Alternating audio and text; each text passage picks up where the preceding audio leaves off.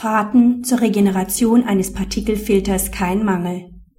Für die Beurteilung eines Mangels ist nicht allgemein ein Vergleich mit Dieselfahrzeugen, sondern mit Fahrzeugen, die mit einem Partikelfilter ausgestattet sind, maßgebend.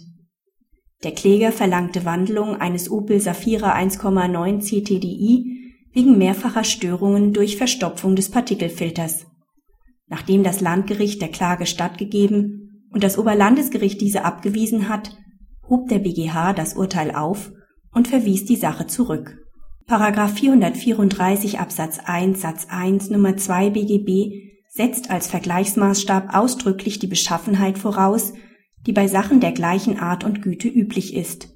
Ein Vergleich ist daher nicht allgemein von Dieselfahrzeugen, sondern von Dieselfahrzeugen mit Partikelfilter vorzunehmen.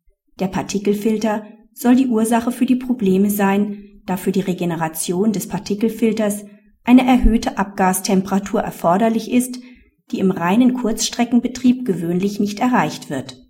Es kommt für die Beurteilung der zu erwartenden Beschaffenheit nach 434 Absatz 1 Satz 2 Nummer 2 BGB weder auf die konkret vorhandene Vorstellung des jeweiligen Käufers noch auf einen durchschnittlichen technischen Informationsstand an. Maßgeblich ist allein die objektiv berechtigte Erwartung.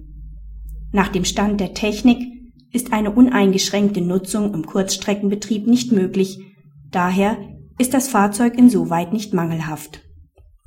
Da der Beweis über die Behauptung des Klägers, das eingebaute System sei fehlerhaft, noch zu erheben ist, war das klagabweisende Urteil zurückzuverweisen. Praxishinweis der BGH hat mit diesem Urteil den unbestimmten Begriffen in 434 Absatz 1 Satz 2 Nummer 2 BGB weitere festere Konturen gegeben